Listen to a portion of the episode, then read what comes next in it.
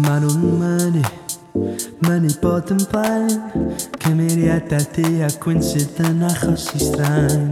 Ti di syni Syni nawr o'r gerdded maen. Lliwiau o dy gwmpas raddol bach yn llifo lawr y draen. Helo, a croeso mawr i bodlediad cyntaf y busnes rhedeg yma Da fi, Owain Sgiafone Hir yw pob yma aros Medden nhw, a dwi wedi bod yn sôn am ddechrau podlediad rhedeg yn y Gymraeg ystia 4 blynedd. O'r diwedd, dwi wedi bwrw mewn iddi a gobeithio y byddwch chi'n gweld rhain yn ymddangos yn weddol rheolaidd bob rhyw fus ydy'r cynllun gyda lwc.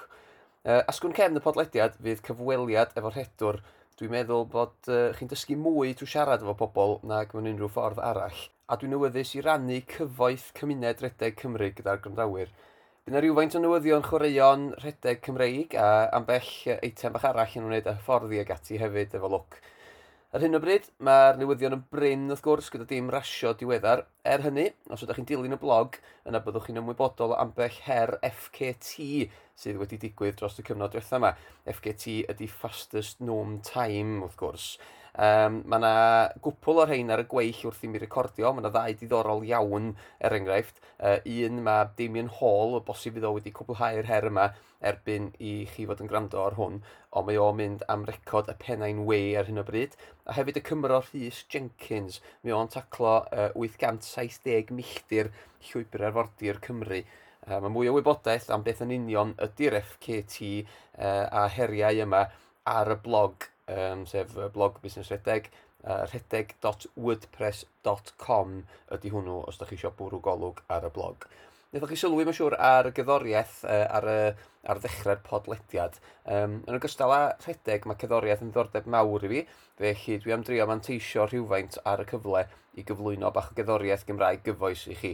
Y gam wnaethoch chi glywed ar y dechrau o Dam dy Draed, sydd gan y cynhyrchydd electronig o Gynarfon, Emdaf ac Ifan Pritchard uh, fydd yn enw a wyneb cyfarwydd i lawer, uh, gan ei fod o'n aelod o'r grŵp poblogaidd Gwylym. Mae hon allan yn ddigidol ers mis Mai, a na i chwarae mwy ohoni ar ddiwedd y podlediad. Reit, dwi ddim yn mynd i fwydro gormod gan bod gen i gyfweliad bach da i chi ddechrau'r podlediad, a hynny gyda Gwyndaf Lewis, sydd wedi ymgymryd a dwy her fawr yn ystod y cyfnod clo diweddar. Uh, bydd Gwyndaf yn egluro mwy am rhain yn ystod y sgwrs, ond uh, mae'n deg deud mae um, heriau Gwyndaf sydd wedi ysgogi fi i fynd ati i ddechrau'r podlediad yma, achos dwi'n meddwl bod gyda fo a lot o bobl eraill stori bwysig iawn i'w dweud. Felly, ymlaen i'r gyfweliad. Reit, wel dwi'n falch iawn uh, i groesawu uh, gwestai cyntaf uh, podlediad y uh, busnes rhedeg yma.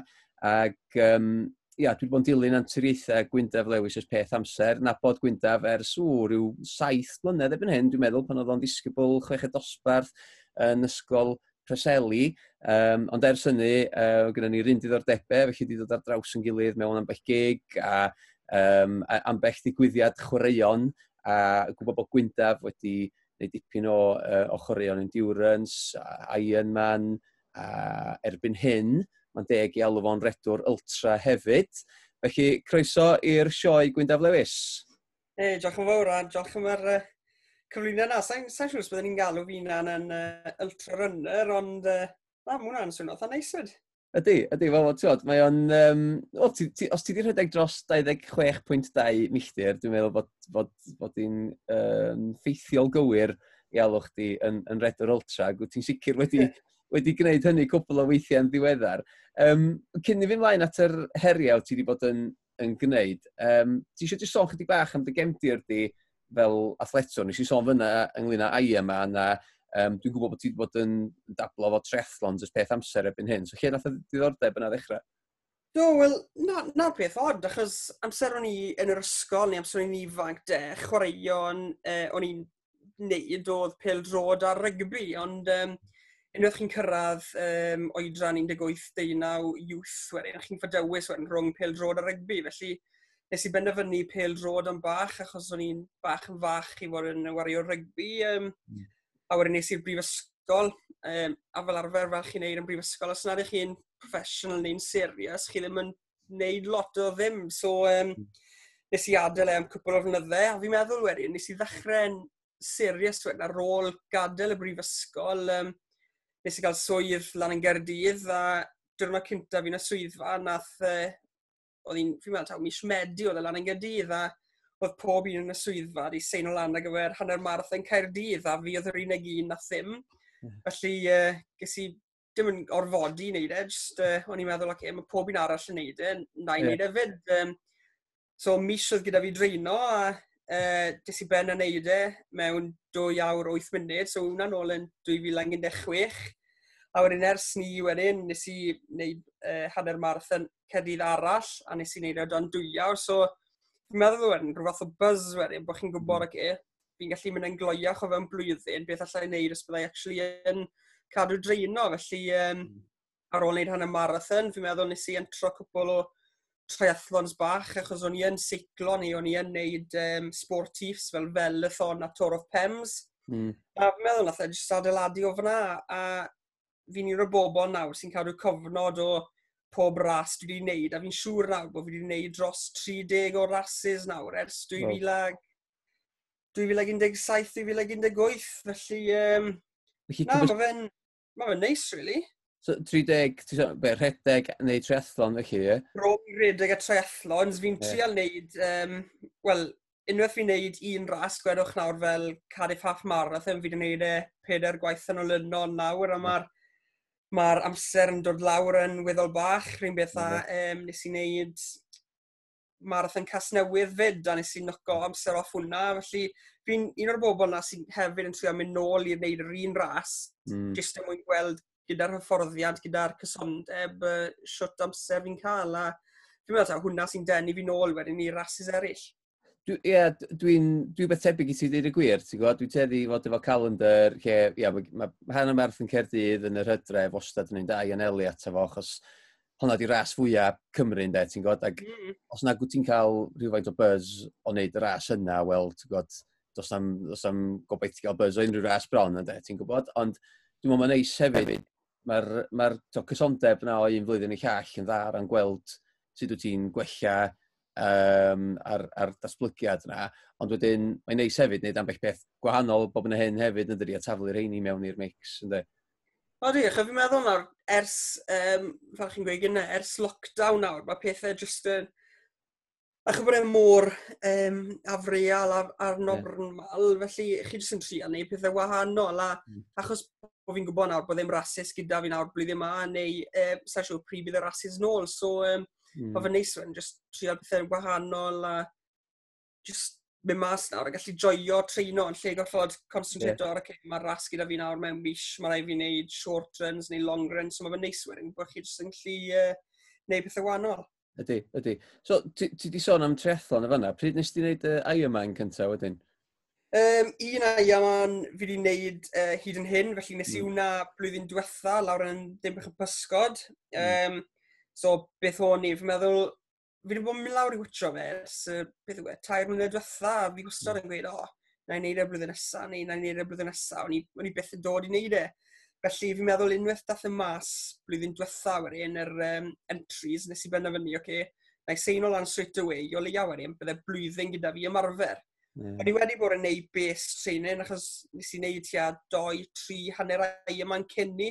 Yeah. Felly o'n i ddim yn mynd straight into the deep end. O'n i'n gwybod, oce, okay, fi'n lli wneud 2 half ai yma'n, fi'n lli wneud so and so, fi wedi bod am long cycle, long run. So o'n i'n gwybod bod fi yn gallu ymarfer ar gyfer e, a achos bod blwyddyn gyda fi ta beth, o'n i'n hyderus, really, bod fi yn gallu gwblhau e o fewn yr er yr amser o 17 awr, felly mm. um, na, oedd e'n ddiwrnod ffantastig llun hefyd, oedd lot o gefnogaeth, a sa'ch chi'n, tam bod chi'n raso fe, sa'ch chi'n gwybod faint o gefnogaeth sy'n na, mm. achos mm. o'n i'n cofio mynd lan um, Heartbreak Hill yn Saunders okay. Foot, a mae fel bod chi yn y Tôr de France, really, mae gyda chi'r ffens na, a mae'r crowd just arno chi, a chi'n teimlo fel, waw, fair play, fel, uh, yeah. a pobl just mas trwy'r dydd, so fi'n meddwl fi'n fi falch nes i orffen am 8 o gloch. So nes i...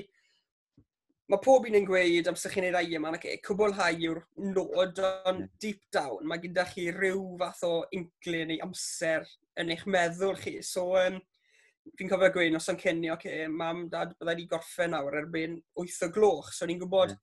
13 awr a hanner, a fi'n gobeithio deitha ni ben a gwblhau. e. Felly, um, ges i mewn yn 13 awr 28 munud, so o'n i o mm. dan amser o'n i moyn, a Fi'n meddwl, os byddwn ni wedi bod mas na awr yn hirach, mae'r mm. dorf yn tembu, maen wedi cael cwpl o beint, maen wedi bod mas na llwyr y dydd, felly fi'n meddwl erbyn ni, chi'n falch i orffen, really, achos mae'r crowd just yn mynd yn wyt. O'n i'n mynd i ddeud, achos dwi wedi clywed, dwi'n nabod lot o bobl erbyn hyn sydd wedi gwneud uh, Ironman dim bych y pysgod. Mae o'n, mae, wel, fel hogyn o Sir Benfro, tod, o gen ti'n dewis, really, o rhaid i ti'n gwneud o rhywbryd yn doedd, ti'n god? A dwi'n meddwl bod yr un peth yn wir i ni'n heredigio, mae pawb ochr Aberystwyth, mae yna lot o trethlu yn Aber, a maen nhw gyd yn anelu at wneud um, dim bych y bysgod rhywbryd yn de, ti'n gwybod. Um, a to, ti'n dweud, to, 30 awr a hanner, mae hwnna, dwi'n dwi, hyfforddi efo ambell triathlet sydd wedi cynrychioli Prydain a wnaethon nhw yr un cwrs o gwmpas y deuddeg a hanner, dwi'n meddwl, felly ti'n gwybod, ti'n ti, ti bell iawn tu hôl i, i triathletes sydd wedi cyfrifioli mm. Prydain yn fanna mewn gwirionedd, ti'n gwybod? Felly mae o'n amser hynod o barchus, fyswn i'n deud, ti'n gwybod? Um, be, to, fel rhywun sydd uh, yn, yn gobeithio wneud Ironman rhywbryd ar, ar y bucket list yn sicr, um, ond y nofio, to, ydy'r concern mwyaf i fi, ti wedi sôn am bod ti wedi seiclo ac yn rhedeg, faint o her oedd ti nofio'r 2, be 2 filltir, Ie, 2.4. Chwna'r peth, o'n i'n nofio, oedd lot yn yr ysgol gynradd. Yeah. A o'n i'n mynd i'r ysgol uwchradd wedyn, sim gyda chi'r gwersi nofio na sy'n digwydd yn eithnosol. Felly, mm. um, fi'n meddwl, es i mas o fe am spel a ges i gyfle yn blwyddyn deuddeg wedyn i wneud y cwrs lifeguard um, yn Crymych mm. fan hyn. A fi'n meddwl, nes i wneud hwnna, ond dim ond wedyn yn yr blwyddyn a hanner, dwy flynedd diwetha, wedyn falle bod fi wedi mynd mewn i wneud fwy o nofio a mynd i meistri, really. So mae masters yeah. yn crymu pobl o yn os iau. So chi'n handi wedyn, bod chi'n gallu mynd fyna, mae gyda chi'r hyfforddwyr wedyn yn gweud, okay, newch y length sy'n, newch lengths na. Mm. Chi'n nofio gyda pobl wedyn yr un cyflymder, neu ambell waith chi'n nofio gyda bobl sy'n sy gynt yna chi. Felly mae fe'n mm. neis wedyn, bod chi'n gallu gallu jydro fe, a fi'n meddwl, mynd i open water swims wedyn gyda, gyda ffrindiau neu pobl chi'n abod, a mae fe jyst yn, unwaith chi'n dod yn gyfarwydd gyda'r nofio, neu mm. ddim yn ofan, okay, bod rhywbeth yn twtio chi, neu unwaith chi'n meddwl, o, mae rhywbeth wedi twtio fi, chi'n dechrau cael cramps, neu chi'n dechrau hmm. panic, mm. ond um, fi'n meddwl, atgof gorau sydd â fi, amser, fel ni'n i'n gweud, gynnar, amser sy'n mynd i lan i gair dydd, nes i uh, ymuno gyda o'n i'n mynd i'r Cardiff International Pool, so 50 metre pool. Yeah. A amser chi'n ofio'n 25 metre, chi'n meddwl, o, mae hwn digon, digon rwydd fel, ond unwaith chi'n dod i 50 metre, chi'n teimlo fel, waw, mae hwn yn, ma hwn yn bellach. Okay. A um, nes i symud wedyn tŷ, so nes i symud i um, Llantrysant. Ar y pryd, fi'n cofio, o'n i'n nofio yn uh, len swimyn yn bore cyn gwaith, a dim ond fi oedd na. A mynd yn nesaf, dath rhywun mewn i'r un pwll a fi. Amser chi'n gweld rhywun yn gwisgo speedos pink, chi'n meddwl, oce, okay, mae'r boi yn siwr o fod yn good, neu mhm. lygo show on off, a cofi'n dechrau nofio, a oedd e'n lapo fi, yr er lap gyda, a erbyn i fi wneud doi length, oedd e wedi wneud pedwar. So ni'n meddwl, okay, mae boi yn yn good, mynd yn nesaf, rhywun yn dod mewn i'r len drws nesaf, oedd e, how, how do you feel swimming with this guy? A ni fel, I, I, sa'n siŵr pwy yw e, ond yeah. a boi'n llun ofio. A na pwy oedd e? Oedd Adam Bowden. Ah, ie. Yeah, Mae Adam yeah. Bowden bellach nawr, di ennill 70.3s yn Dubai, yn Ffrainc, a bydde fel la. Felly, yeah. oedd hwnna'n neis wen, achos ar y dechrau, oedd e dim ond yn neud rhywbeth fel Olympic distance. So, ni'n gofyn am cwpl o tips wrtho fe, a war y teg, oedd e'n gweithio i wedyn, okay, just, just na beth i gallu, cadw ymarfer a cadw cysondeb, really. So, sim ots am faint o hours chi'n neud yn y pwll, ond bod chi'n neud yr hours na i, i gwnto fel. Felly, uh, yeah. na, oedd hwnna'n tip uh, da iawn ges i wrtho fi. O, dwi, dwi chi cyd ymdeimlo, achos dwi di, dwi, dwi di bod yn y pwll yn Llambed efo Gareth Hodgson, ti'n efo Gareth? a no, Gareth, mae Gareth yn, um, well, Cona qualifier yn dydi, ti'n gwybod, mm. mae di bod yn Cona, um, a to wedi ennill, um, uh, y triathlons pellter hir, um, pethau fel Outlaw, dwi'n meddwl mae wedi ennill, Outlaw Triathlon, dwi'n meddwl mae wedi ennill, a, a eraill. Felly, ia, mae, mae Gareth sicr yn neud, um, dwi'n cofio fo'n neud un sesiwn am sycinio, a tod, na i, na i falle milltir, dwi'n cant o length, dwi'n meddwl, ddim mwyaf dwi wedi gwneud yn llambed dros ginio, a oedd o yn neud sesiwn, lle oedd o angen neud 200 o length mewn awr, ti'n gwybod, 20 munud, 20 metr di'r pwll i Llanbed. Felly o'n i, o, oce, okay, dwi'n o'n i dwbl be o'n i'n neud, ynddo, ti'n gwybod, a mae o'n, uh, ond dod o dy draed i lawr i ddeiar. Ond beth sy'n defnyddio fel ti ddeud ydy ti'n gallu, mae pobl fel yna'n barod iawn i roi cyngor i ti'n dydy, ti'n gwybod, mm. a yn aml iawn, just sticio ati ydy'r cyngor ynddo, a mae ma nofio'n yn dod mwyaf wyt ti'n neud, mwyaf gyfforddus wyt ti, de. Achos mae fe'r un peth a popeth, really, chi'n dechrau rhedeg gyda rhywun sy'n gynt na chi, a chi'n teimlo bach fel, oh, sa eisiau mynd mas da hwn neu hon, yeah. achos maen nhw'n ma gloiach, a wedyn ambell waith, wrth wneud na, chi'n gwella wedyn, achos chi'n hmm. chi mynd bach yn gynt wedyn, er mwyn hmm. gallu actually mynd ar, mynd ar trad nhw wedyn, ond... Uh...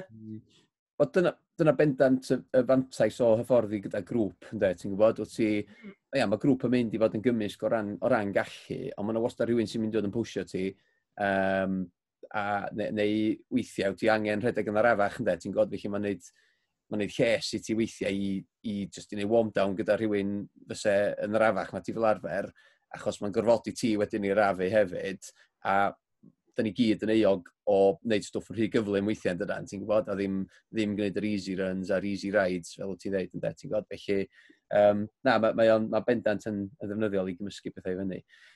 Oedd ti fod i wneud Ironman Lenny ten?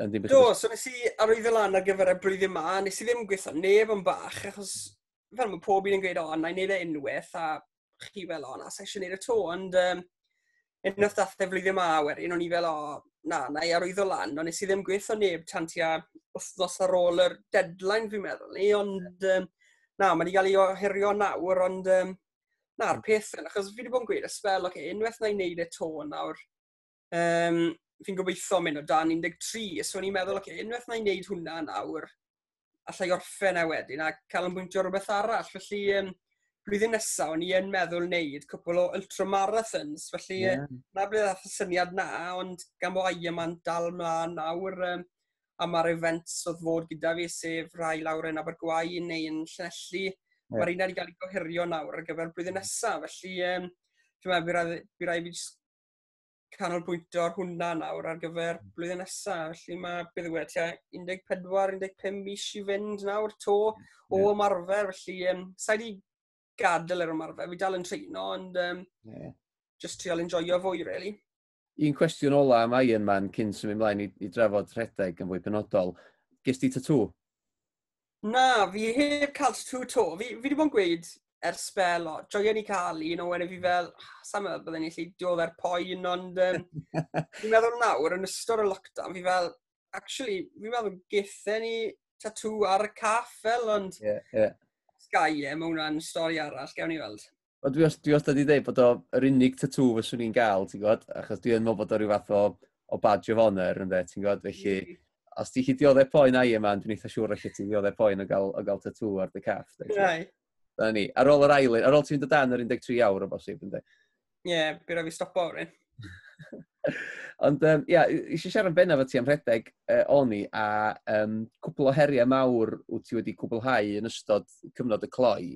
A ni'n teimlo bod ni'n briodol bod fi'n fi lansio'r podlediad yma rwan uh, ac yn siarad efo ti sydd wedi gwneud, wel, dwi'n meddwl cwpl o bethau eitha rhyfeddol yn ystod um, y lockdown. A dwi'n ddechrau efo'r her cyntaf sy'n mynd â ni nôl i'r ail o fai. Wyt ti eisiau deitha ni chydig bach am yr hanes efo'r her yna?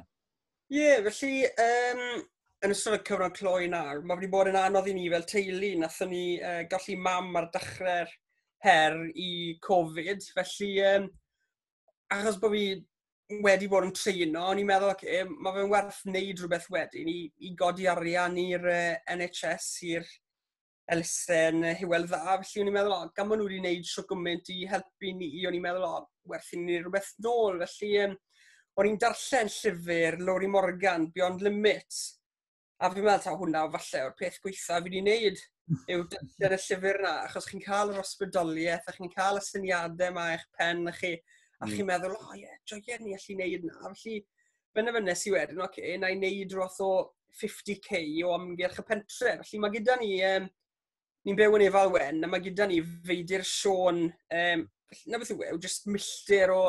A sa'n siw, siw mae'n disgrifio fe, achos neb yn gwybod pam feidir Sean, yn ers neud e, mae lot o bobl wedi bod yn trial yn siarad yn gofyn, oh, beth yw'r beth yw reswm tu ôl feidir Sean? Felly nes i benderfynu mynd o amgylch hwnna, so, neu 50k, so gan bod e'n filltir, oedd e'n rhywbeth fel, mynd rown 31 o weithiau.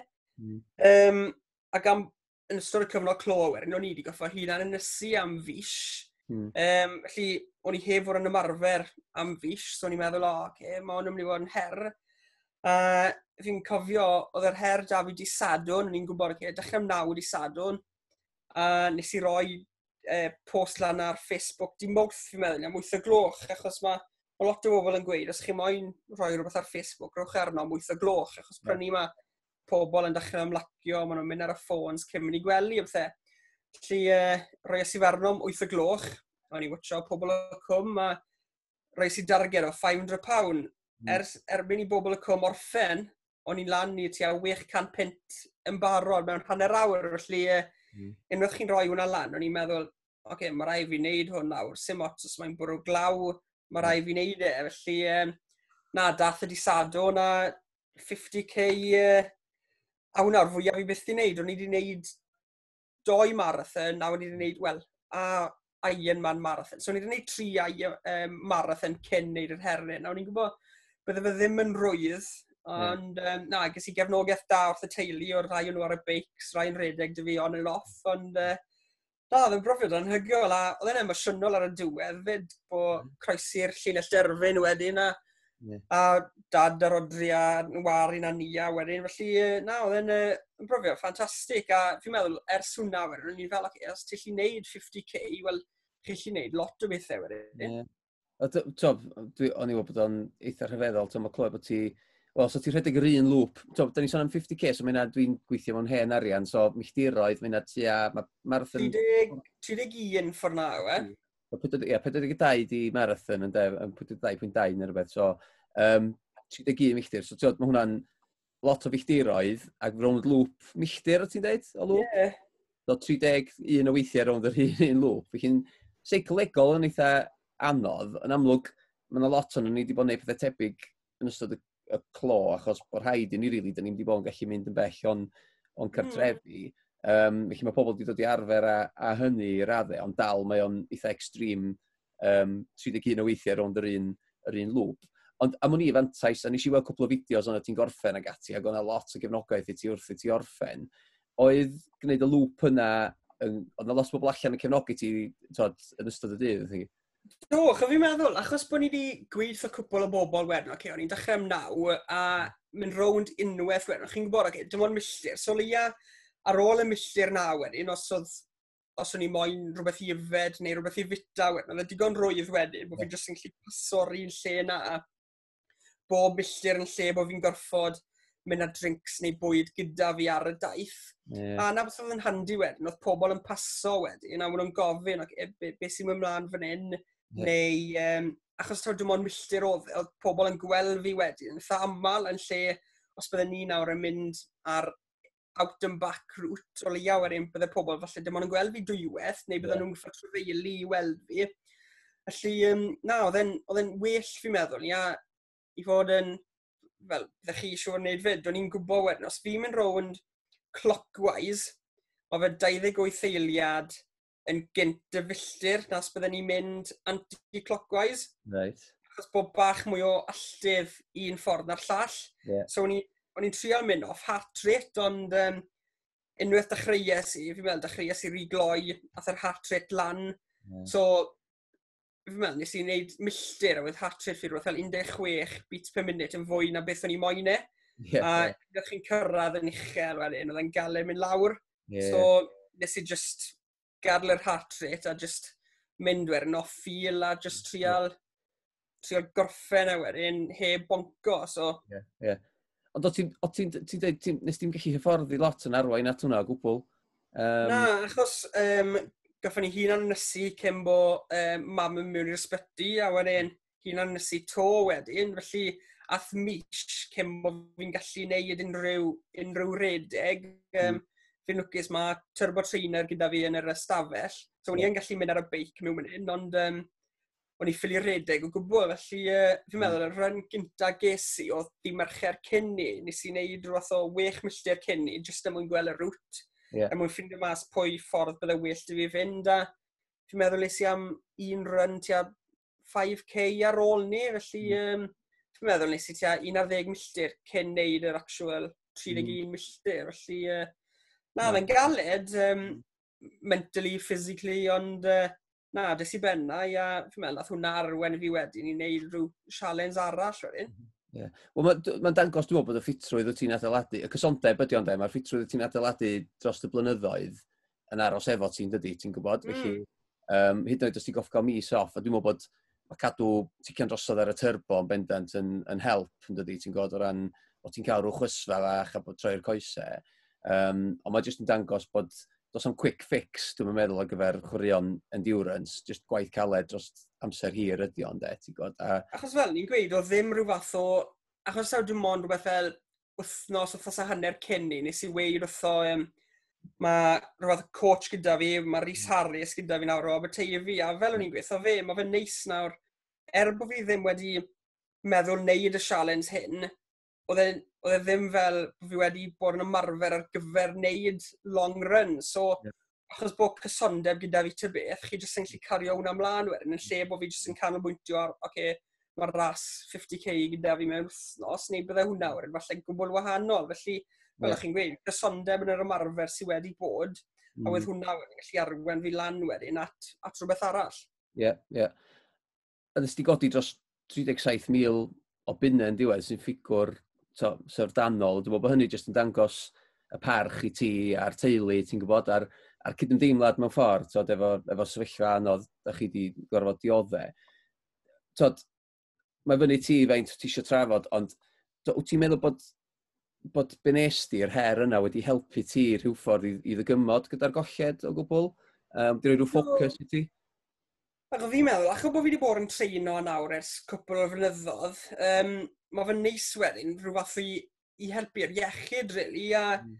achos bod fi'n gwybod, okay, unwaith fi yn treino neu bod fi yn redeg, seiclo, chi'n lli dim anghofio beth i bethau, jyst achos bod chi yn the zone, yeah. chi yn rhyw fath o gallu ymgolli yn pethau sy'n digwydd bob dydd, a bod chi jyst yn gallu concentrato wedyn ar, okay, just un cam o flan y llall. Mm. A, ond na'r peth, da fi, fi'n fi, fi neud rhywbeth bob dydd nawr, hmm. jyst er mwyn gallu... Mae fe'n ffordd o ymlacio fyd, mae lot o bobl gyda pethau wahanol i wneud, ond na, gyda fi nawr, er bod fi ddim yn fi ddim yn gwybod bod fi'n pro na dim byd, ond mm. mae fe'n neis really bod fi'n gallu mynd mas ar y beic neu mynd am run neu unwaith nawr bydd yr open water, er bod open water tymor di dechrau nawr, bydde fe'n neis really, just bod chi'n gallu ymgolli yn, yn popeth a bod chi'n gwybod y cyn, a just wneud awr fan hyn neu fy'n co, a bod chi'n carw fynd. Ie, yeah, dwi'n dwi aml yn deud wrth pobl, ti'n gwybod, mae rhedeg di downtime fi'n de, ti'n gwybod, achos mm. ti'n ti cam milltir yr awr yn neud stoff, a ti'n dy feddwl di'n bob man, a pan ti'n mynd allan am ryn, hyd yn oed ti'n teimlo'n eitha rybys cyn mynd am ryn, um, neu hyd yn oed mynd ar y beic, ti'n gwybod, uh, neu nofio, wyt ti'n wyt ti wastad yn teimlo'n dda ar ôl gorffen yn dweud. Um, hyd yn oed ar ôl sesiwn galed lle mae dy gyhyred i gyd yn brifo, ti'n gwybod, wyt ti wyt ti bendant yn teimlo yn well ar ddiwedd yr ymarfer na wyt ti ar y dechrau de. Ti'n felly, dwi'n meddwl bod o... A, a, a, mae'n ffordd i ti glirio dy feddwl hefyd yn dydi a cael well, ffocysu um, dy, dy feddyliau de, ti'n gwybod, felly... A chofio meddwl, gyda fi nawr bellach, fi wneud y cit fi yn noson cynni, Oh, so leia yeah. wedyn, fi sy'n eisiau ffaffan yn bore, chi'n gwybod y sy'n rhaid fi wneud nawr yw jyst roi'r kit mlaen a gallu mynd am ryn. Achos fel mm. chi'n gweud jyst nawr, y peth caleta yw actually mynd mas trwy'r drws. Mm, mm. Fel chi'n gweud, unwaith chi'n teimlo fel, oh, actually, sy'n gwant mynd am, am 10 mile run ar ei heddi. Unwaith fi mas trwy'r drws wedyn, chi fel, oh, dim ond deg milltir, sy'n rhaid fi wneud eddi. So unwaith chi mas o'r drws, Yeah. Hwna'r peth colecta fi'n meddwl. Unwaith chi mas o'r drws, mae peth eraill wedyn just yn, yn dod naturiol wedyn, achos chi'n gwybod, chi wedi wneud e o'r blaen, a mae fe just un cam o flaen y llall, a mae yeah. fe'n neis. So, yn ystod y cyfnod clo, dwi wedi bod yn gwneud rhan fwyaf o rhedeg fi yn y bore, codi am hanner di pimp, chwarter i chwech, fan bellia fel arfer, a mynd allan trwy drws a gwneud yn ryn a dy cynni, achos dyna di'r amser lle dwi'n lleia tebygol o ddod ar draws pobl eraill, ynddo, ti'n gwybod? Wyt ti, wyt tebyg, di dy rŵtin di di bod? Na, achos fi byth yn fwy sy'n licio... Fi, fi ddim yn dda iawn yn y bore o ran ymarfer. Yeah. Um, felly, on, on, yn ddiweddar, fi wedi bod yn mynd yn ystod amser y cynno. Na, yeah. um, a chy bod ni'n gweithio o gatre nawr fyd, mae ma fe digon rwydd nawr, gallu mynd am awr fan hyn a fan co. Felly, um, na, amser cynno fi wneud rhan fwyaf o sesiynau fi, ond os mae mm. gyda fi rhywbeth o double session neu um, ambell oedd os fi ffili cysgu wedyn, yeah. fi'n cofio, nes i fy mas am beth fi, rhywbeth fel 5 o bore ar o bryd, byddwn i mm. byth yn meddwl wneud na fel arfer, a nes i wneud rhywbeth fel 25 mile TT a wedyn 3 mile run ar ôl ni a o mm. na, tua 5 o'cloch y bore. Yeah. O'n i gyda fi'n saith a wel, oedd, oedd neb wedi codi yn y tŷ, felly oedd e fel bo fi wedi gwneud sesiwn fi, cyn bod pob un yn dyn, o, a o'ch chi wedyn, jyst yn gallu cadw fynd wedyn fel diwrnod, ond os bydden ni wedi rhoi y larwm fi arno yn y bore am 5 o gloch, sa'n meddwl mm. bydden ni wedi wneud e, ond achos bod fi wedi codi, a bod fi ffili mynd nôl i gysgu, wel, o'n i'n meddwl, okay, pam, pam lai a oedd y tywydd yn neis, felly o'n i'n meddwl, o, a'i just mas.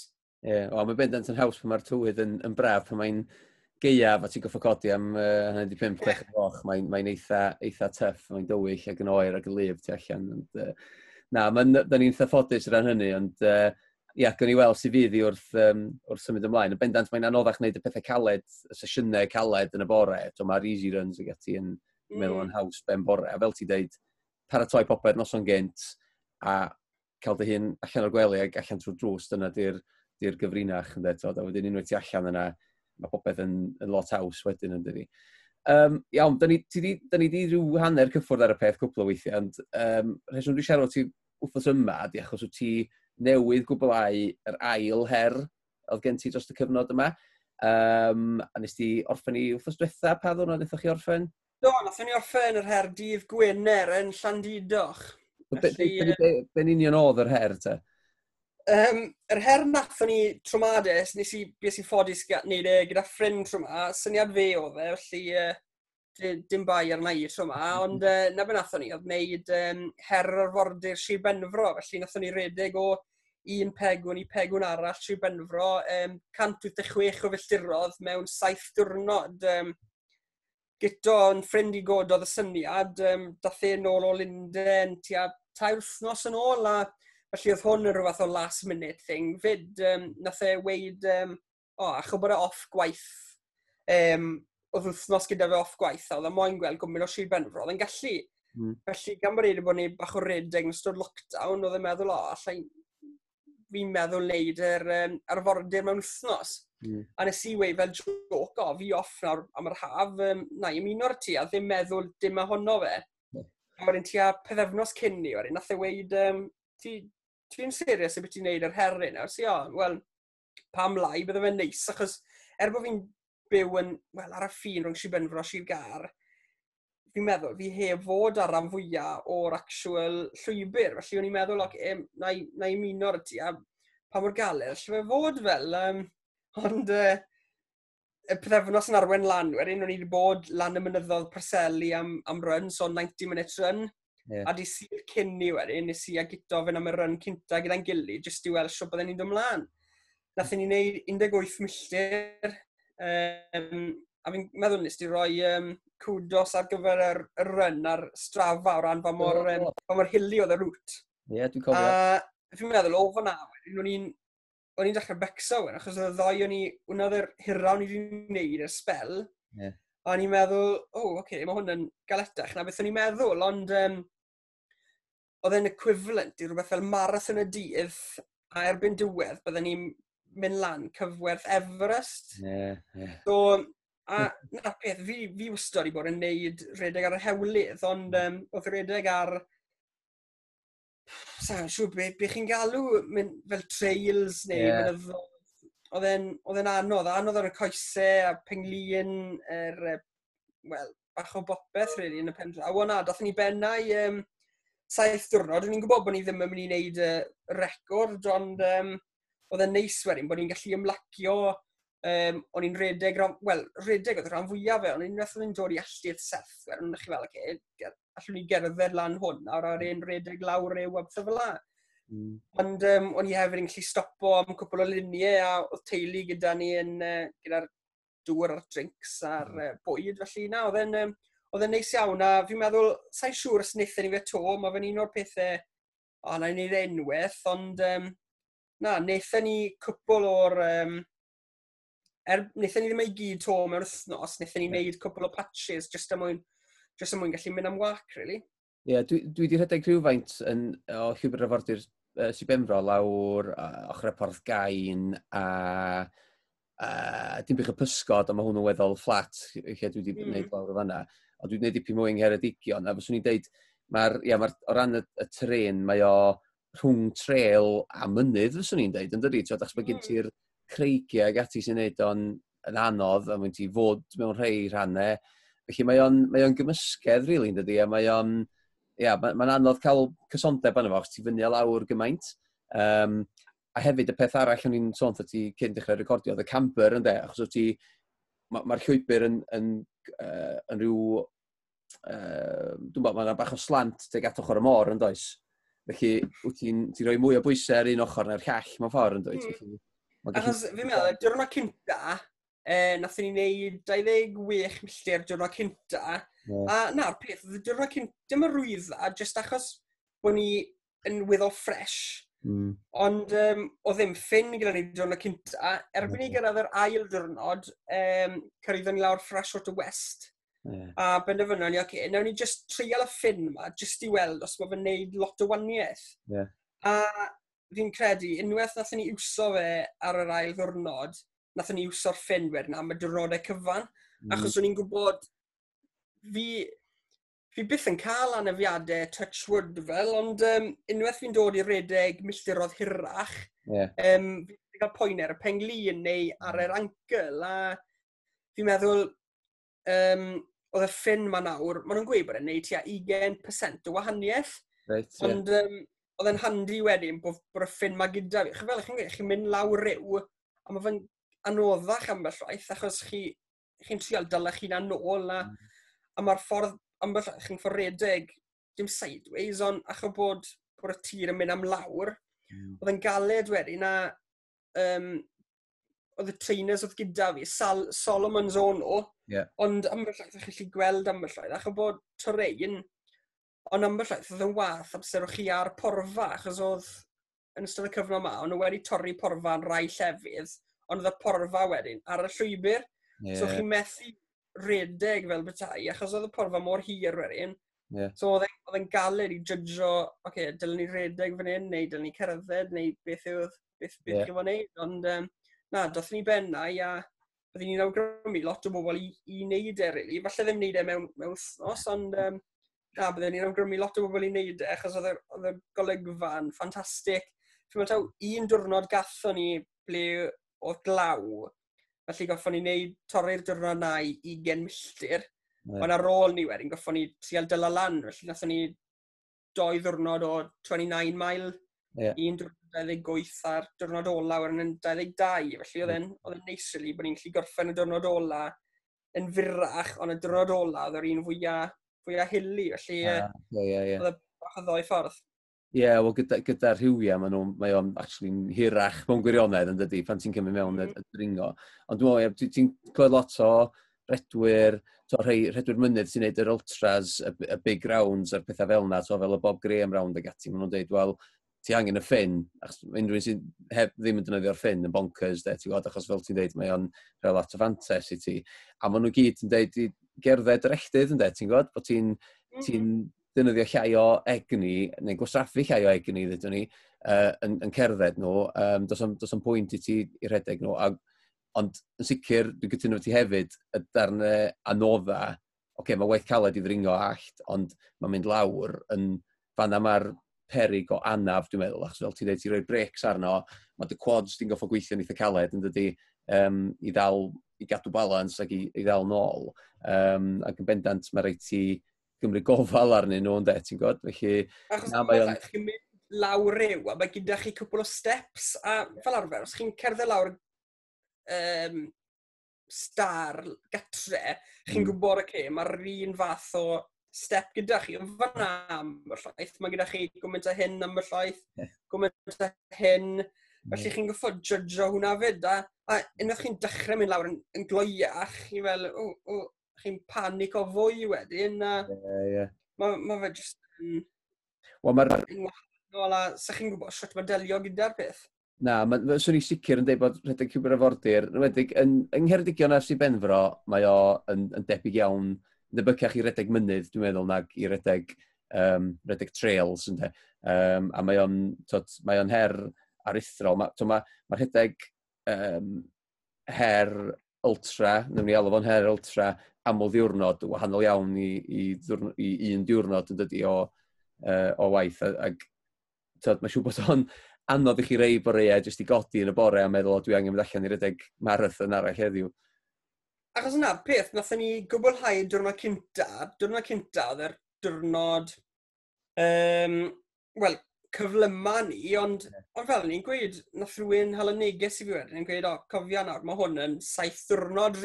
really, a, a fel ni'n gweud, o'n i ddim yn becso gymaint am yr amser, achos mm. allan ni wedi cymeryd trwy'r dydd os byddai fel lan i ni, ond um, oedd e'n fwy o, achos daw ddim ras oedd e, oedd e'n fwy o, okay, bod ni'n gallu enjoyo cwmni'n yeah. gilydd, bod ni'n gallu stopo i gael llun fan hyn a fan co, bod ni'n stopo wedyn ni cael drinks a bod ni'n bo ni siarad gyda pobl ar yr, um, ar y rŵt ynglyn â pwy o'n i'n codi arian tuag at a beth o'n i'n yeah. neud.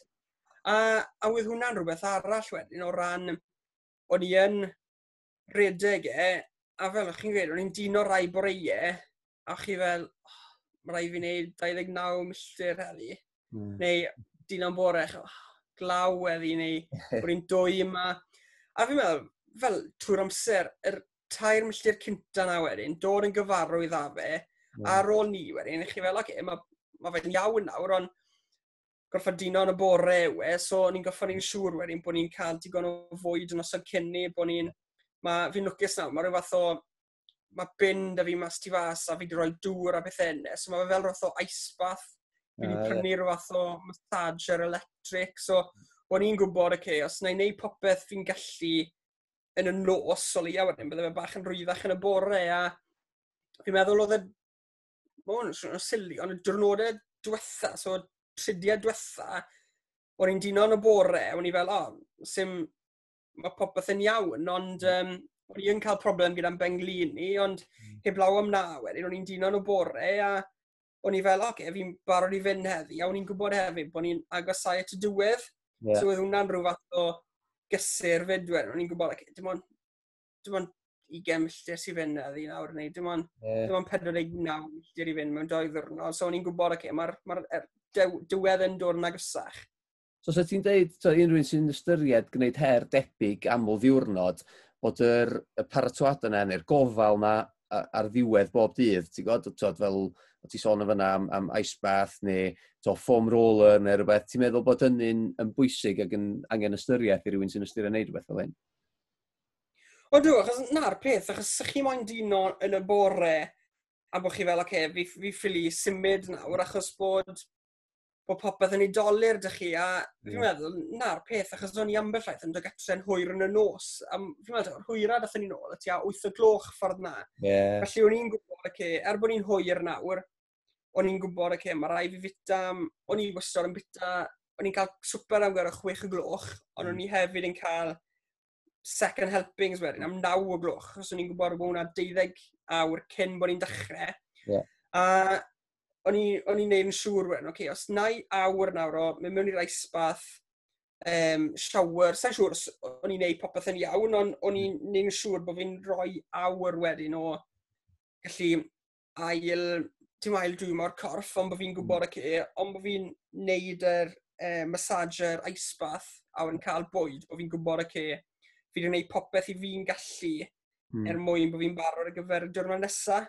Mm -hmm. Achos, fel chi'n gwneud, mae saith diwrnod o redeg mor bell yna yn, yeah. yn galed, yn wedig ar, ar y coastal path y llwyr afordir, ond um, na, mae siwr o fod ffordd well i wneud, a os byddwn ni wedi trefnu fe bach yn gynt wedyn, falle bydde rhywun, eh, neu os bydde ddim y cyfnod clo ma, falle bydde fe'n rwyddach o ran bydde rhywun gyda ni, falle bydde'n gallu roi massage neu bod nhw'n gallu gweithio ni beth i wneud yn well, ond um, yeah. na, o dan yr cyfyngiadau a'r cyfnod ma, wel, fi'n meddwl, nath ni gorau gallwn ni.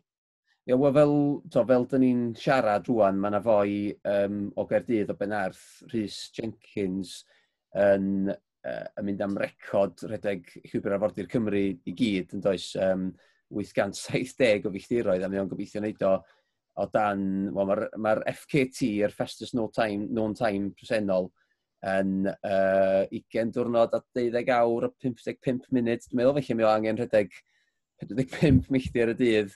Um, a dwi wedi dechrau dilyn o ar Instagram, ti'n gwybod, ac mae'n amlwg bod o'n rhoi lot o bwyslais ar um, ar y gofal na diwedd dydd, mae gynfo rhywun, dwi'n meddwl, yn rhoi masaj ag ati iddo fo mm. um, ar ddiwedd bob dydd. A dwi'n meddwl bod yn amhosib wneud her fel un heb roi rhyw fath o styriaeth i hynny. A fel ti'n dweud, mae'r bwyd bod ti'n bita gyfed digon yn, yn bwysig dros ben hefyd. Yr un peth ola, beth dwi wedi bod yn darllen lot amdano fo ddiweddar, ydy cwsg a pa mor bwysig ydy cysgu'n dda um, pan wyt ti'n hyfforddi lot. O ti'n llwyddo i gysgu'n iawn bob nos? O'n i'n... O'n i'n dod yna cysgu, ond mm. wedyn o'n i'n dyn o lot yn y nos, so gwedwch na, achos bod yn benglini neu achos bod blister yeah. gyda fi, o'n i'n dyn o lot fwy yn y nos wedyn, a o'n i'n gweld yn galed even, so er bod fi yn cysgu eitha lot, mm. o'n i'n dal yn dyn o um, gwedwch siliau cloc er mwyn gallu cysgu ffordd arall neu trial roi rhywbeth ar y blister neu trial neud rhywbeth i'n benglini, felly yeah. na, o'n i'n dod ben a cysgu, ond falle ddim y cysg gore, hefyd achos bod, fi'n meddwl, unwaith chi'n neud, mae'r adrenal yn dal yn pwmpo, really, achos bod chi'n neud gwmynt o filltirodd y diwrnod ni, felly, um, na, oedd e'n mm. galed, ond fi'n meddwl, erbyn diwedd, o'n i'n dod yn gyfarwydd o fe, ond on nawr, na, na gif fi'n neud nawr, yw cysgu a bita, wythnos yn ddiweddarach, a, a fi dal yn neud e, felly, um, na, fi'n meddwl bod, er, bod fi'n wedi dal y land ar cwsg nawr, ond uh, Ond fel mynd nôl i'r cwestiwn diwetha nawr, um, fi'n meddwl gathon ni cefnogaeth da, nath, e, nath yn teulu a teulu gito o gyda ni ar y ffordd, achos ar y dechrau o'n i'n meddwl, oce, okay, os na i ddreifo i B, bod ni'n cael lift i A, mm. a bod ni'n neud e fel A, ond fel nath pethau gweithio mas yn y diwedd, oedd yn eili a neili E yn gallu bod gyda, fel dim gyda'i gili, ond bod e'n gallu dreifo ni lawr, dad yn gallu dreifo ni lawr, dad gyto yn gallu dreifo fe lawr, felly oedd e'n haws i ni wedyn, a ac o rai ni'n neud oedd just jwmpo yn y car mm. a dechrau wedyn yn lle bod ni'n ffod um, dreifo i rwle a wedyn bod ni'n ffod cael ei pigo lan a a oedd y teulu gyda ni o'r holl ffordd wedyn o ran o'n nhw'n gallu rhoi drinks i ni ar, ar ôl wech milltir ni ar ôl deg milltir. Pryd bynnag o'n nhw'n gallu stopo, yeah. o'n nhw'n stopo i ni wedyn a oedd hwnna'n neis wedyn bod ni ddim yn gallu cario gwmyd gyda ni yn yeah. y bags achos fi'n cofio'r diwrnod cynta achos bod ni heb wneud e o blaen, o'ch chi'n panic o, chi'n rhoi popeth yn y bags, mae'r bags mor drwm, Mm. A hmm. erbyn y diwrnod diwetha wedyn, fi'n fi meddwl oedd y bag siwr yn rhywbeth fel 2 kg yn ysgafnach, hmm. achos oedd ddim byd gyda ni'n y bags e- erbyn diwedd, hmm. dim ond dŵr. Felly, um, na, oedd yn handi, a fi'n meddwl mae fe'n rwyddach bod rhywun gyda chi fel cefnogaeth, a ambell rhaid fi'n cofio nes i gyrraedd, efe dydd mowth oedd hi, so diwrnod pedwar, a fi'n meddwl, cyrraeddo ni 15 milltir, a o'n i'n meddwl, okay, fi, fi ffili neu mwy, achos oedd yn bengli ni'n wario lan. Yeah. Nath yn wncol i gyda ni am cwpl o filltirodd, a o'n i'n stryglan, oedd o dde'n cerdded yn glwyach na beth o'n i'n redeg. Felly o'n i'n meddwl, oce, okay. a wedyn stopo ni yn... Fi ddim yn siŵr ble stopo ni, ond ges i banana bread mam gi, ges i dishler o de, A fi'n meddwl, oedd hwnna fel, siw, beth oedd yn y banana bread yna, ond nes i just y deg milltir diwetha yna i orffen, oedd siwr o fod y deg milltir cloian i ni wneud, a ers ni wedyn, oedd e fel bod, bod e fel, ma, rhywbeth magic sponge, a, a nath ni ddod bennau wedyn tri diwrnod a hanner ar ôl ni, a sama, ges i cwynion y gwbl ynglyn â'r benglin, er oedd strap gyda fi arno. Yeah. Um, nes i just, ar ôl ni, o'n i'n nath rhywbeth ddigwydd a nath ni just carw fynd. Mae'r ma, banana bread na fel yr, um, o, yr beth i galw, yr, y ddiod hyd yn llyfr Asterix, os o'n i'n deud. Mm. Do, no, meddwl, unwaith ges i hwnna, uh, pob tro wedyn, uh, dyrnodau rôl ni wedyn, os o'n i'n hanner ffordd, achos o'n i, o'n i ddim yn bita dim yn ystod yr um, redeg, achos o'n i'n, nes i gael rhywbeth o sweat test wrthos cynni, so yeah o'n i'n gwybod beth oedd yr energy expenditure, a yeah. o'n i'n gwybod, o'n i'n ifed um, tailwind a'r precision hydration tablets, so o'n i'n gwybod os byddwn ni'n rhoi doi sgŵp o tailwind yn yr 500ml o ddŵr a neu powdr yn y llall, fel yr mm. tablet yn y llall, o'n i'n mm. gwybod allan ni fynd 8 awr, ond bod fi'n ifed un botel o ddŵr yr awr, o'n i'n gwybod allan ni neud e heb fita dim. Yeah.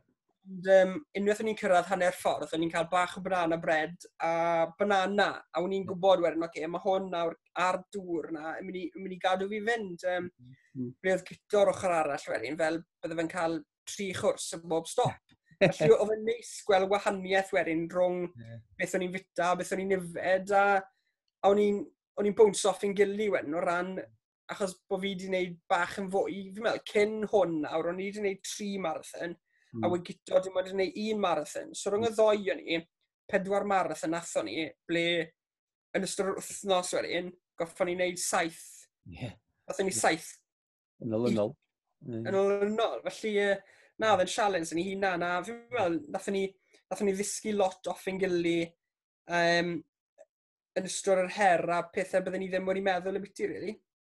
Iawn, gwych. Wel, cyn i symud i'r cwpl o gwestiynau ola, ni wedi just atgoffa ni pwy o'ch chi'n cefnogi elusen yn dodech uh, achos da iawn. Ni Do, ni... nath ni benderfynu bod ni... Fi'n i'r bobl yna nawr. Unwaith fi'n penderfynu wneud uh, sialens mor fawr, o'n i'n meddwl, okay, os, os i fi'n dioddau, wel, mae fe'n neis, really, bod ni'n neud rhywbeth um, i godi arian. Felly ni, nath ni benderfynu codi arian tuag at Get the Boys a Lift sy'n um, elusen lleol yn Sri Benfro. Felly ni'n meddwl mae hwnna'n gweddi neis gyda'r um, gyda'r sialens o'n i'n neud gan bod i'n neud yn Sri Benfro. Felly um, crot ifanc o hwlffordd nath uh, ddechrau'r cwmni nôl yn 2016. Um, Gareth Owens, oedd e'n ysgol gyda ni fyd, so mm. Get Gaz a Lift. Um, mm. Mae fe'n elusen sy'n cefnogi iechyd meddwl yn bobl ifanc a bobl yn Sir Benfro, yn erbyn hyn nawr, maen nhw wedi uh, dechrau siop newydd lawr yn Hwlffordd. Um, a hefyd nawr, gyda'r arian um, sy'n dod mewn y lusen, maen nhw nawr yn gallu cael cwnselydd mm. yn y siop, felly um, ar hyn o bryd maen nhw'n neud lot ar-lein. Mm. Um, mae pobl nawr yn mynd na nawr os nos gyda nhw, os mae'n gaethu cyffuriau neu alcohol, mm. beto, bethau fel la. Felly, yeah. um, na, mae fe'n yn ystod y cyfnod ma nawr, maen nhw wedi bod ar gau am 4-5 er mis, felly mm. o'n i'n meddwl maen nhw nawr yn elusen fydde'n gwerthfawrogi'r arian a ni, ni hyd yn hyn wedi codi 2,900 a hanner.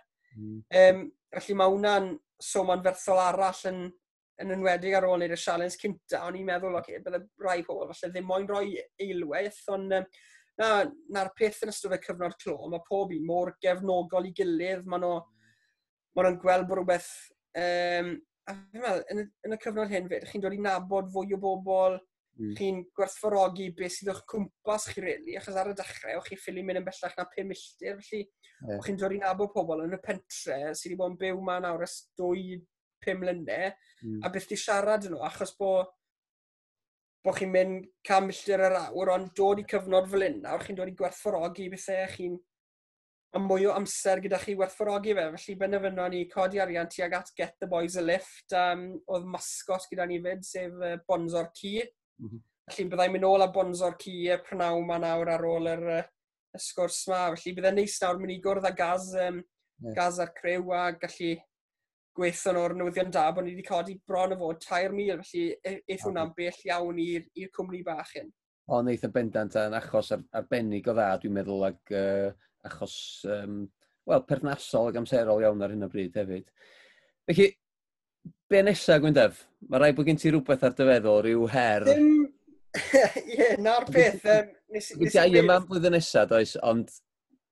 Do, yeah. nes i wedi neili um, ar ôl i'r herin, oce, okay, byddai ddim yn gwneud her arall yn ystod y cyfnod clo, felly... Um, ond na'r peth ta, mae fe'n anodd gweud, achos sa'n sa siŵr efo'r ble, ble i ni nawr o ran efo'r cyfnod hmm. clo i hwn nawr, chymod yn dechrau agor nawr yn slow bach. Um, ond na, sy'n sim byd wedi cael ei plano gyda fi, ond fel fi wedi gweud o'r, or ddoi sialens diwetha nawr, mae reina'n fwy o spare of the moment mewn pethefno, so gall pethau newid, ond ar hyn o bryd, sy'n byd wedi cael ei, ei drefnu ar gyfer blwyddyn yma. Um, nath rhywun weithio i ddo nawr bod, um, bod triathlon Mumbles, fi'n meddwl, yn, yn mis hydref dal mlaen. Yeah. Ond um, sa'i moyn goffod talu am hwnna ond bod o'n canslo fe, achos hwnna'n meddwl wedyn, byddai rhaid ni wneud e blwyddyn nesaf, sef rhywbeth fel pethefnos ar ôl Iron Man. Felly, yeah. Um, yeah.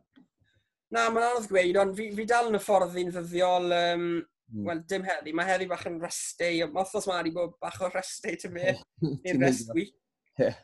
Ond um, na, fi, fi dal yn treino, a mae fe neis, bydde fe neis cael rhywbeth i anelu tuag ato, ond yn ystod yr amser na nawr, chi'n syngfa gweithio ar eich gwendidau, a mm. bydde fe neis nawr gallu mynd i, i nofio yn y môr. Fi heb fod to, mm. sa'n siŵr os mae'r wetsuit dal yn ffito, ond um, na, ar gyfer blwyddyn nesaf nawr, mae cwpl o bethau gyda fi, yeah. gath i oherio blwyddyn yma. Yeah. Felly bydd Iron Man ma'n gobeithio, mae um, mae middle distance yn llnellu a mae un yn Abergwain a just, just gweld sreithi. Achos fel arfer, fi'n trial roi rhywbeth yn y calendar mm. yn hmm. flynyddol, ond um, ar hyn o bryd mae wedi bod bach yn uh, dawel. A fi'n falch nawr bod fi wedi wneud... Um, nes i wneud... Fi, fi wedi anghofio beth oedd e, ond nes i wneud dywathlon yn hmm. gerddi botaneg ar oh, dach... yeah. Wildflower, ie? Yeah. Wildflower dywathlon. Felly nes i hwnna mis, mis mawrth falle, so yeah, Cyn y lockdown oedd e. Ie, yeah, hwnna oedd yr digwyddiad chwaraeon ola, dwi'n meddwl, cyn y lockdown, ie. Yeah. Ie, yeah, felly fi'n fi falch, rili, bod fi wedi gwneud hwnna er mwyn gallu cael rhywbeth blwyddyn ma, ond um, na, byddai siwr o fod yn, yn gosod her i fi na, no, hyd yn oed, wneud, oce, okay, bod fi'n gwneud hanner marathon gatre, yeah. neu bod fi'n gwneud hanner Ironman, jyst rhywbeth er mwyn gallu cadw fi fynd, ond mae cwpl o cwpl o beth, dim bucket list, ond mae cwpl o bethau gyda fi o ran aims, o ran, fi moyn wneud 5k o dan 21 minutes, neu mm. pethau bach fel ar, really, jyst y mwyn gallu, gallu gwella'n hunan, really, yn ystod y cyfnod ma, achos mae fe'n cyfnod anodd, os da chi'n gwybod beth sy'n digwydd, a mm. mae fe jyst yn neis, really, bod chi'n rhoi targedau e bach i'ch hunan, really, er mwyn gallu gwella. Mae pwysau off nawr fyd, achos chi'n hmm. gwybod, mm. okay, os, os na i'n treino gormod nawr, wel, falle erbyn medu blwyddyn nesaf nawr, byddai wedi yeah. bennu neu blino neu rhywbeth fla. Felly na, byddai'n gosod cwpl o heriau bach i'n hunan, dwi'n meddwl, i'n ystod y cyfnod yma. Dyna, dyna sydd bod yn anodd, dwi'n meddwl, ydy y methu cynllunio, ynddo, fel, to, fel athletwyr, da ni'n hoffi gwybod beth di'r ras nesaf, ynddo, ti'n gorffi ras, a ti'n siarad fo rhywun ar yr llinell derfyn, a peth cyntaf ti'n gofyn, os, beth sy'n gen ti nesaf, de, ti'n gwybod? Felly, mae wedi bod yn, yn eitha anodd, a dwi'n, dwi, dwi'n dyfaru chydig bach, os mae gennau gwbl o bethau bucket list fel y math o heriau ti wedi bod yn neud sy'n so hoffi ticio ffwr, ond dwi, dwi'n eisiau gwneud nhw yn ganol blocs hyfforddi pethau eraill, achos ti'n eisiau fo effeithio ar dy rasu sydd gen ti ar y gweill. Hmm. Felly, dwi'n hanner dyfaru bod fi'n mynd i manteisio ar y cyfle yma i, i wneud rhai o'r bethau pellter gwirioneddol hir, ti'n gwybod, um, sydd wedi bod ar gefn y meddwl, ond dyna ni, mae'n um, mae ma pawb yn yr un sefyllfa ar hyn o bryd yn dydi, a da ni jyst yn goffo wneud y, y gorau o'r, uh, o'r sefyllfa da ni yn di. Achos fel o'n i'n gweud, os bydde Iron Man dal mlaen nawr, mm. sa'n meddwl bydde ni'n gwneud yr heriau yma o gwbl, achos na. bydden ni'n gwybod, okay, os, os wnaethon ni'r heriau yma nawr, bydden goesau i wedi blino ar gyfer Iron Man, felly uh, mae fe'n amser anodd, a mae fe hefyd yn amser da i gallu gwneud pethau, treial pethau eraill. Yndi, yndi, bendant, yn bendant. Iawn, wel, ni, dwi wedi cadw ti ddigon hir, uh, a gwt ti angen mynd ar masgot yn ôl uh, i'r elusen. Felly, um, cwpl o gwestiynau, jyst cyflym i orffen, a dwi'n bwriadu gofyn y math yma gwestiynau i bawb um, dwi'n cyfweld ar y podlediad. Um, y cwestiwn cyntaf ydy dy hoff sesiwn di, neu dy hoff run di lle i redeg. Felly, hoff sesiwn, so dweud bod ti mewn bloc y ffordd i redeg, a um, mae dy fforddwr di wedi rhoi sesiwn benodol i ti wneud, eich di, di ddewis naill neu llall neu y ddau. So dyna di sesiwn, a mae hwnnw gobeithio yn rhoi syniad i, o, o sesiynau newydd i bobl um, sydd yn gwrando. A wedyn, y peth arall, uh, neu'r opsiwn arall ydy bod ti'n dewis dy hoff le i redeg di, ti'n god, felly os oes gen ti ryw stretch o'r llwybr arfordir, uh, wyt ti'n ar, arbennig o hoff ohono fo. Felly, beth ydy dy hoff sesiwn neu dy, neu run di? Um, well fi beth o fi gormod, jyst rhag ofan bod y coach actually yn gwrando, bod e'n rhoi gormod o'r un am mewn, ond um, fi'n fi meddwl, fi'n fi dechrau joio'r fartlek sessions, really, yeah, yeah. ble mae fe'n munud on, munud off, achos yeah. bod e'n galed yn ystod yr munud off wedyn, dwi yeah. ddim really yn munud off, achos chi'n trial, chi'n gael slow o lawr, ond unwaith i chi wneud y munud on na wedyn, o fe'n mm. galed rili, really, fe'n lawr lot, ond um, na, fi'n fi, fi dechrau joio'r un achos um, ni wedi bod yn gwneud lot yn o'n ddiweddar, um, mm. a mae fe'n neis rili really, bod chi'n neud, bod ni'n neud, um, beth yw e, rhywbeth fel times 8 neu times 12, yeah. so fe'n gallu amrywio rili really, o munud on, munud off, neu 90 minutes on, 30 seconds off, a, yeah. a mae fe'n challenge caled, a mm. ambell roedd chi'n chi'n dechrau'r sesiwn a chi'n meddwl, o, oh, sain y mood i wneud hwn eddi, chi'n bwrw hanner ffordd a chi'n chi dechrau stryglan, ond mae'r jyst rhywbeth wedyn chi'n chi fel, oce, okay, na, actually, mae rai fi cadw fynd nawr, dim ond tri sydd â fi ar ôl, dim ond doi sydd â fi ar ôl. A unwaith chi'n cyrraedd y diwedd, chi fel, oh, chi'n falch bod fi wedi gwneud y sesiwn na, a mm. chi actually'n gwella really, wrth wneud, sorry, um, wrth wneud fwy o'r eina, chi actually yeah. cyflymu fyd. Mm, mm. A mae fe'n neis, really, bod bo chi yn gallu cwblhau yr actual sesiwn. Chos rei nawr rai caled, a chi fel, o, oh, sa'i moyn neud rei na fi, a mm. ar un o'r rai chi yn debygol o actually jimbo neu bod chi'n stopo ar ôl pimp, ond um, yeah. Mm, na fi, rei nawr rai fi'n dechrau joio fwyaf yn ddiweddar. Ydy, mae hwnna'n clasic, mae hwnna'n go-to i fi efo, os dwi'n siŵr pa sesiwn dwi'n mynd i wneud, na i just wneud honna, de, ti'n gwybod, ac fel ti'n dweud, ti'n cyrraedd eich pedwerydd neu pumed a ti'n meddwl, mae gen i tod, saith neu wyth arall o'r ein i wneud. Dwi'n mynd i allu wneud nhw, de, ti'n gwybod? Ond mae'n syndod, tod, mae'n wastad, ti'n gofyn i dy hun, a dwi'n chi wneud un arall, a'r ateb ydi ie bob tro, de, ti'n gwybod? Mm -hmm. Ac, tod, ti'n sôn am wneud deuddeg, ond un o, tod, dwi wedi mynd fyny i 15, 20 hyd yn oed o yn y sesiwn yna, ti'n gwybod, a mae'n syndod be mae'r corff yn gallu gwneud, unwaith wyt ti'n gallu, um, yn gallu siarad y hun rownd. De, y recovery sy'n dwi'n ffeindio sydd yn arafu chydig bach wrth iddyn nhw fynd ymlaen. Yeah. Ond na beth arall, wedyn, achos gyda'r sesiynau fel a, mae fe'n dieddol o fod yn, oce, okay, 50 minutes hard session. So chi'n yeah. gwybod, okay, dim ond 50 munud o sesiwn yw hwn. Yeah. A chi'n gwybod, okay, ar ôl 50 munud, chi wedi benni. Felly, yeah. o'n handi wedyn, ble, os byddwn ni gyda rhywbeth fel, okay, reda 10 milltir heddi, mm. wel, byddwch chi'n gwybod, okay, sim, sim dalfag domser mwyn am ni gymeryd. O leia gyda 50 munud, chi'n gwybod, okay, ar ôl 50 munud, byddai yeah. ni benni.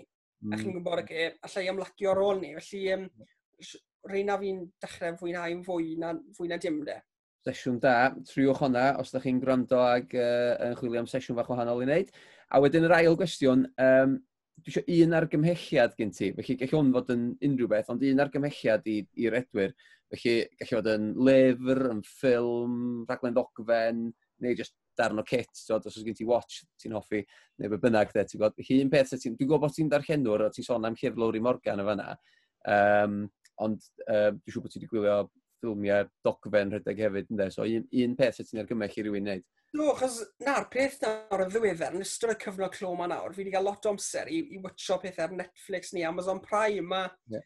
um, yr un fwyaf diweddar fi wedi watcho yw y Bartley Marathon uh, oh, yn America.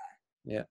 A mae fe jyst yn anhygol, chi'n watcho hmm. fe, yeah. a chi, chi jyst ffili credu siwt mae fe actually yn yn digwydd. A yeah. Sim lot o bobl wedi gwblhau e yeah. ers iddo fod, ers iddo ddigwydd de. A fi'n meddwl taw, mae hwnna'n un o'r ffilmiau dogfen fyd. Sim ots faint o weithiau chi'n watcho fe. Mm. Chi'n disgwyl rhywbeth arall i ddigwydd a diwedd. Chi fel, chi ymwell yn cofio beth sy'n mynd i ddigwydd, ond chi fel, actually, oedd yn mynd i orffen tro mae'r bod e ddim yn mynd i, ond mae fe'n hmm. handi, really, bod fi'n gallu ail-wytio fe, a chi dal yn, yn intrigued sy'n lot fan o weithiau chi'n wytio fe. Mm, mm. Na, dwi, dwi di... Dwi'n meddwl bod fi wedi gweld yr un tison. Dwi wedi gweld un am y Backleys efo um, Nicky Spinks yn... Uh, dwi'n ar, um, ar channel YouTube Innovate neu rhywbeth oedd hwnna, dwi'n meddwl. A nath Nicky Spinks, hi sy'n dal y record am y double Bob Graham round, a mae'n rhedreg anhygoel. Um, a nath hi, nath hi fethu a gwneud yr, um, ras yma. Mae on, os da chi ddim wedi clywed am y, y Barclay Marathons, mae'n werth i chi googlo fo, achos mae o'n syniad hollol bonkers. Um, a mae, mae o'n quirky iawn yn dydy, mae popeth amdano fo'n yn quirky i ddeud y lleia. No, di. Um, a fi'n meddwl, mae fe wedi... sa'n siw beth yw enw'r boi sy'n trefnu'r rasis hyn nawr. Mae fe wedi masa rhywbeth arall yn ddiweddar nawr, yeah. ble chi fod redeg 4 milltir yeah. pob 4 awr. Ah, ie, ie, ie. So mae fe'n rhywbeth o bod chi'n neud 48 miles mewn 48 hours, yeah. ond si, mae lot o bobl yn meddwl, achos bod chi'n neud e pob 4 awr anyway, yeah. neu ar y 4 awr, so mae gyda chi, os chi'n neud e 10 munud yn milltir, wel mae gyda chi 30, wel, beth yw e, rhywbeth fel 2 awr 20 munud o rest rhwng bob set. Yeah. So, gloiach chi chi'r fwy o rest gewch chi, ond y peth yw wedyn, yn y nos wedyn, dim ond tua 3 awr o gosg gewch chi, yeah. a wrach chi'n fforddino i wneud e tair awr arall. Felly, mae fe'n galed i, yn mental i wedyn o ran bod chi'n gyffod dino a bod chi ddim yn cael gymaint o rest a bethau fel la, ond um, na, falle bydd hwnna'n challenge nesaf i ti. Dwi'n mynd siŵr. Lazarus Lake ydi enw'r boi, a mae o yn... Um, uh, yeah, mae o'n fwy bach gwahanol rydyn ni hynny, ti'n god. Oedd o'n... Um, oedd o'n siarad yn y, yn y running show yn Birmingham um, nôl yn dechrau'r flwyddyn nes i, nes i mi weld o, ond dwi'n meddwl oedd o'n eitha buan ar ôl Lowry Morgan ar llwyfan um, Bad Boy Running, dwi'n meddwl, y podcast um, Bad Boy Running. Felly, ia, yeah, mae hwnna'n uh, yn sicr yn, yn her a hanner y Barclay Marathon, ond mae'n ma anodd iawn i gael lle hefyd, dwi'n meddwl, felly diolch yn rhywbeth da chi jyst yn uh, amon check yn y post iddo fo, dwi'n meddwl. Mae'n, um, lan, na, na. Na, felly, ia, felly fe rhaid i ni weithio'n eitha caled i gael, i gael lle ar hwnnw, ond ffordd o ti'n mynd efo'r ultras ma, fyswn ni'n mysynnu sut ti'n cael gwahoddiad rhyw ddwrnod. Gwydaf, diolch yn fawr iawn ti am dy amser, pob lwc efo yr hyfforddi, a gobeithio fydd y Benglin ddim yn achosi problemau i ti. Ie, yeah, nhw'n ni, nhw ni gadw golwg ar, ar yr her nesaf i gen ti ar y gweill. Ie, yeah, diolch yn fawr, Owen. Diolch, Gwyndaf. Diolch. Dyna ni felly, gobeithio bod chi wedi mwynhau y cyfweliad. Diolch yn fawr iawn i Gwyndaf am ei amser, ac os ydych chi isio uh, i noddio am yr her ddiweddaraf, mae'r dolenni i gyd ar ei ffrwd Twitter o chi at Gwyndaf L. Os ydych chi wedi mwynhau y podlediad cyntaf yma, tan ysgrifiwch, a fyswn ni'n falch iawn o dderbyn unrhyw sylwadau gyda chi, a unrhyw syniadau hefyd am bobl allan i fod yn cyfweld yn y dyfodol. Cadwch olwg am fwy yn y dyfodol agos felly, a cadwch olwg hefyd ar y blog sef rhedeg.wordpress.com. Diolch yn fawr iawn i chi am rando ac mi wna i'ch gadael chi am y tro yng nghwmni Tiwn Endaf ac Ifan Pritchard. Felly dyma Dan dy Draed, hwyl am y tro. Maen nhw'n mynnu, mynnu bod yn blaen Cymeriadau di a gwyn sydd yn achos i straen Ti di syni, Syni nawr o'r gerdded maen Lliwiau od y gwmpas raddol bach yn llifo lawr y draen. Un ar ôl y llall ti'n cerdded mlaen Mewn byd o lwyd gwynt dan dy draed Ti Dywall di lawr ti yn dy awr Ti'n canu a Dwyrwyrwyrw da da